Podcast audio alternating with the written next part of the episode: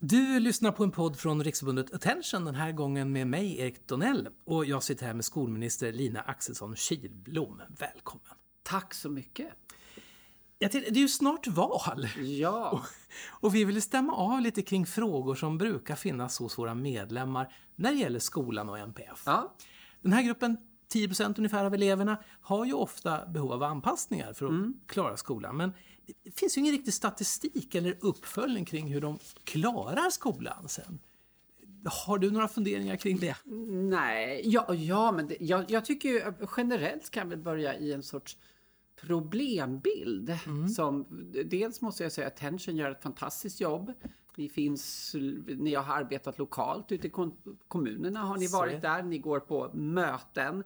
Ni, ni talar för eh, de här eleverna. Och jag själv är ju en NPF-mamma. Dels är jag ju dyslektiker själv, men sen har jag både autism, jag har eh, ADHD hemma och sen har jag IF, intellektuell funktionsnedsättning, ha- hemma också. Så du är väl förtrogen med frågan? Ja, och eh, den här mitt, jag delar magontet när man som förälder eh, eh, ja men barnen kanske går till skolan men man tänker hur FAN ska det gå här liksom och man märker framförallt när det kommer hem läxor och jag, och, och jag tänker så här Jaha, när jag som vuxen jurist liksom har svårt att svara på frågor i årskurs sju.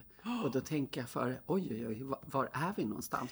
Och, och, och där blir ju också frågan, en MPF är ju en diagnos. Det är många elever som inte har en diagnos men har en svårighet. Precis. Sen finns det de som har en diagnos men på något sätt har lyckats anpassa sig, justerat, får stöttning då det knappt märks. Ja. Eller hålla ihop så mycket under en hel dag att ingen märker att man faktiskt har Absolut. svårigheterna. Ja. Så, nej, men så därför tänker vi just Så det här- statistik, diagnoser, uppföljning, hur det går. Ja. Det, det är ju en, en problematik med den. Ja. För hur mycket ska vi kartlägga, mäta, hur mycket etiketter ska vi använda? Mm, Jag skulle hellre vilja vända på steken och säga att, att eh, vi ska ha en skola där varje barn Mm.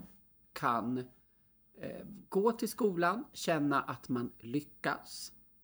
Nummer två, att än hur det går Ja. så ska man känna att man tillhör skolan. Absolut, men jag tror att många kan uppleva just det där som du säger, man får hem ifrån skolan eller kanske kom hit och ta hand om ditt barn och så vidare. Och ibland där det också finns en uttalad diagnos, ibland kommer frågan upp hur lever Sverige upp till eh, konventionerna om mänskliga rättigheter funktionsnedsättning och så vidare i skolsammanhang. Och när vi då inte har någon statistik att peka på en uppföljning på till exempel säg, åtgärdsprogram eller bara olika insatser som görs, tänker vi att det är ett problem. Ja, men, men det jag vill problematisera att bara för att det finns en NPF så innebär det inte att det blir ett åtgärdsprogram. Och sen Ja. finns det de som inte har en NPF som har väldigt mycket åtgärdsprogram. Jo, absolut. Så, så, så att, och vem som tillhör vad. Det jag tror däremot vi kan se, det är ju att vi eh, av elever som eh, inte går till skolan, som faktiskt har hamnat hemma, så finns det en överrepresentation. Det finns även i annat. Och därför måste vi och från min sida, nu, är det allergi här och jag kommer behöva nysa innan. Ni får ta med det på bandet här. Jo, men det är väl därför jag tänker, åh, näsan. Nej, Ah, men, det, men det du säger, medan ny, nyser, eh, helt att 75 procent, den enda undersökningen som har gjorts, det är KI 2015 tror jag, i Lerums kommun, eh, Salems kommun, eh, som såg att 75 procent ungefär av de som hamnar i problematisk skolfrånvaro beräknas uppfylla en eh, NPF. Finns det några generella planer när det kommer till att arbeta med att främja skolnärvaron? Ja, men, men jag tänker vi ska gå till, till grunden med det här. Och det finns ju flera saker. Först och främst finansieringsfrågan.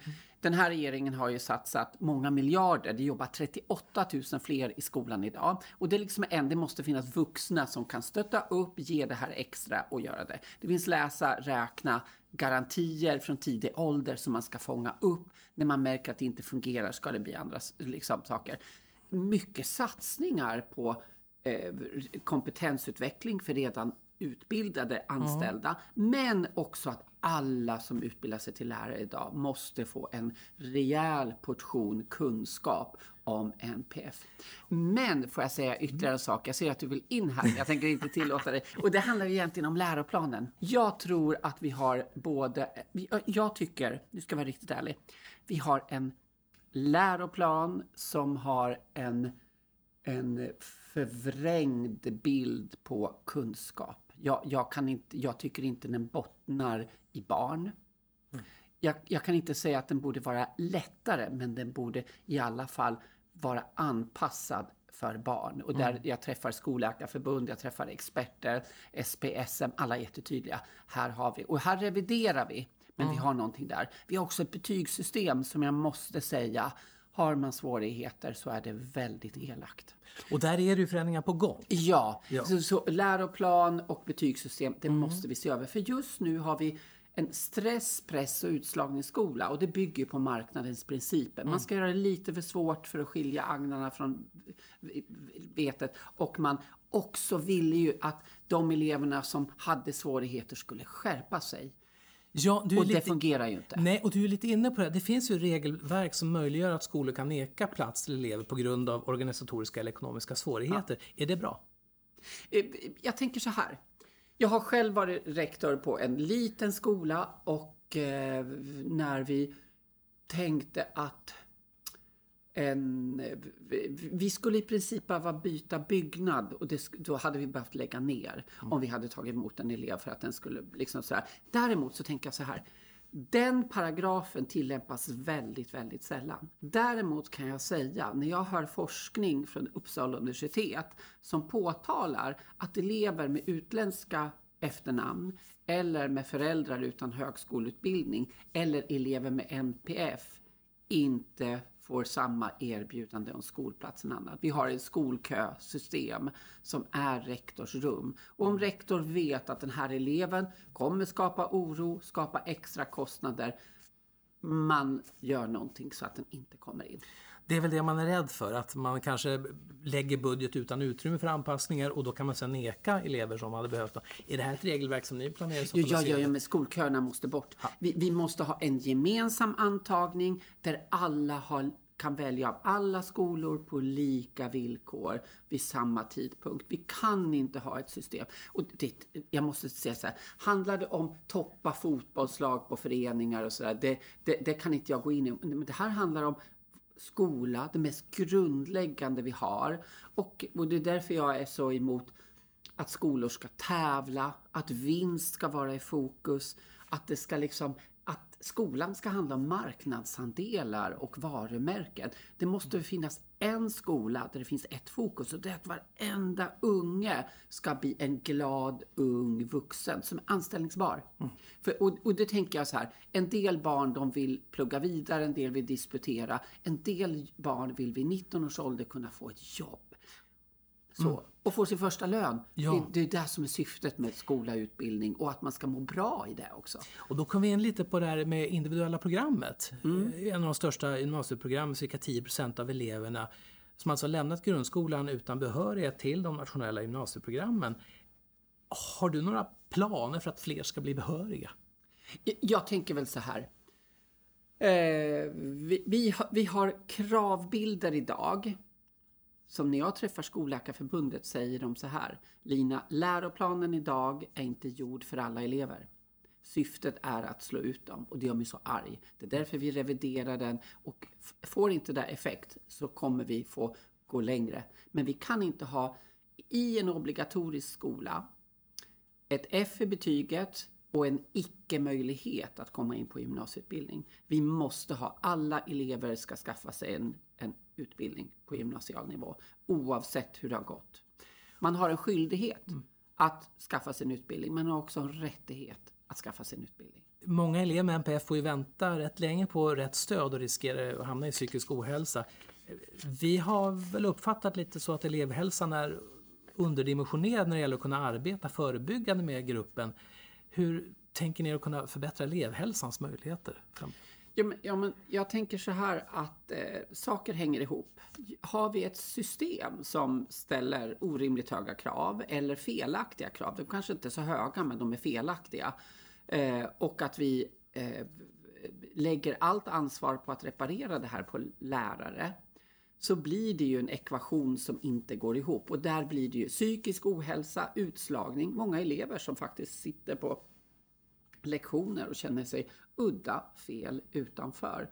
Så att de här sakerna hänger ihop. Men vi kan inte ha eh, en felaktig kravställan, väldigt tillskruvad, eh, där man inte ställer krav på vissa saker där man borde ställa krav. Men man, liksom, och sen ska vi ha elevhälsopersonal, psykologer och kuratorer som ska reparera det här. Utan de här sakerna hänger ihop. Ja, precis. Och det är ju mera tänker vi, förebyggande. Det pratas ju mycket om köer till BUP och så vidare. Förut kanske man gjorde ganska mycket av det arbetet på elevhälsan, vilket ju avlastade också BUP. Eh, utbyggnad av elevhälsan, inget som är på gång? Nej, men, men jag tänker så här, den bild du säger nu, det är ju någonting som jag ifrågasätter. Ja. Jag tänker så här, det jobbar fler inom skolan nu. Det är 38 000 fler som jobbar än 2014. Men jag vill säga så här, det var inte så att elevhälsan förut hanterade psykisk ohälsa. Det som har hänt under de senaste 20 åren, det är att vi pratar om hur vi mår. Och dagens unga, först och främst, de känner efter. Och det är, ett teck- det är ett bra tecken. Att inte våga berätta. En annan sak, de söker hjälp. Det gjorde man inte förr i tiden. Och därför eh, så tycker jag den sundhet vi har idag, att, att barn och unga uttrycker när man är nedstämd och så vidare. Och att man faktiskt söker hjälp.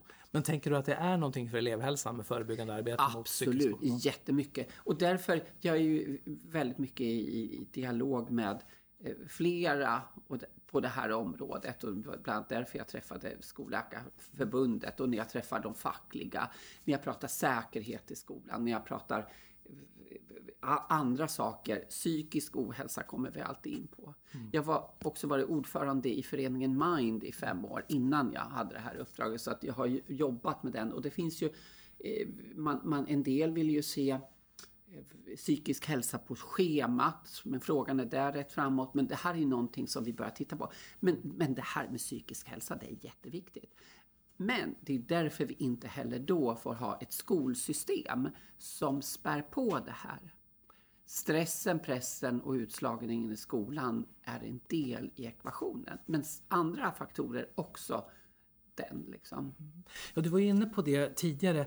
Eh, återigen, eh, KI gjorde en undersökning bland lärarna. 1,6 procent av dem ansåg att lärarutbildningen hade förberett dem för elever med NPF. Så satsningen på NPF-kunskap nu, det är ju mycket, mycket välkommet. Ja, det måste finnas. Ja, men hur tänker ni kring kunskapsspridningen i befintlig skolverksamhet där de flesta ändå arbetar redan? Ja, och det är därför vi har kompetensutveckling på det området. Vi har också i läroplanen vissa delar som handlar om liksom eh, identitet, eh, även samtycke, relationer och sådana saker där man kommer in på just eh, psykisk hälsa. Så att det finns både för de existerande lärarna men så finns det också satsningar på de nyexade.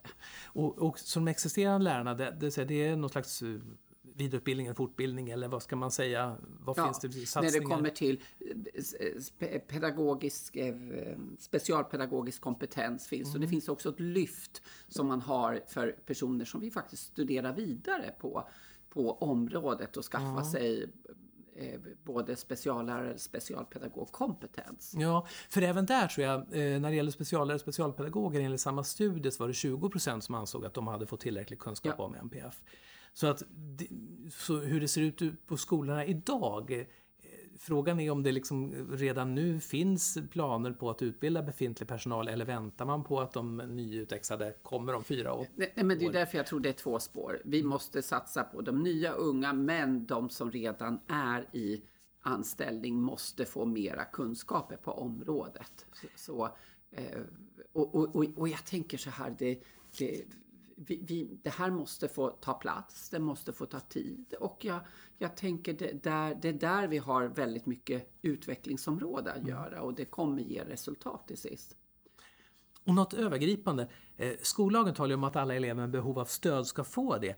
Eh, har ni några planer för att underlätta för skolorna att följa skollagen här? Jag tänker, det har hörts röster från skolledare om dilemmat med att välja mellan att hålla budget och att följa skollagen. Mm. Oj, det där är ju en väldigt svår. Jag känner ju så väl igen dilemmat. Eh, hur, för, för, då kan man ju tänka, är allt särskilda stödet är det att man anställer en lärare så att eleven ska sitta utanför klassrummet och ha liksom en, en parallell värld? Eller, eller, vad är det särskilda stödet? Det, det jag... Och att man bara kan uppfylla eh, skollagens krav genom att gå över budget. Jag, jag tycker den är svår. Mm, Men det, det, det, vad, vad som gör mig lite förbannad ibland, nu, nu blir det lite ilska här, jo men det är ju att vi har eh, vissa skolor som etablerar sig i, i områden där man vet att de flesta är akademiker, man har skolköer så man ser till att då rätt elever går där. De, har, de skolorna har lika mycket skolpeng som kanske en annan skola som kanske har ett helt annat upptagningsområde som har ett geografiskt upptagningsområde där det kanske finns både socioekonomiska utmaningar men det, och där det också finns NPF och andra saker. Mm. Och de har ungefär lika mycket skolpeng. Och då känner jag att nej, det, det finns någonting där som är förskjutet. Mm. Det som gör mig också förbannad är att om man har ett skolsystem där vi sorterar ut att det blir skolor där alla NPF går. Det blir introduktionsprogram där de som har misslyckats i skolan går. Det finns andra saker. Så tror, tror jag det blir väldigt svårjobbat. Mm. Så, ju... så jag tycker det är viktigt att det finns elever med NPF i alla klasser att alla lärare ska känna att en eller två eller tre elever, ja men jag hanterar det med min yrkesskicklighet. Att klasskamrater förstår, vi är alla olika, den här behöver det här. Och att man även i undervisningen kan liksom utgå från, jag vet bara, har man autism bland barnen och sen får man en så här, beskriv ditt drömhem. Och helt plötsligt då har man någon, ett barn som kanske har jättedålig fantasi men har jättebra grammatik. Och då blir det ju väldigt svår uppgift. Då blir det två rader och sen sitter man där och undrar. Så att jag tänker att ha, det kan en lärare hantera, men är det så att det blir väldigt mycket annat den också ska hantera, då blir det väldigt svårt att se de här eleverna. Lina Axelsson Kilblom, tack så mycket för att du tog dig tid. Och tack själv.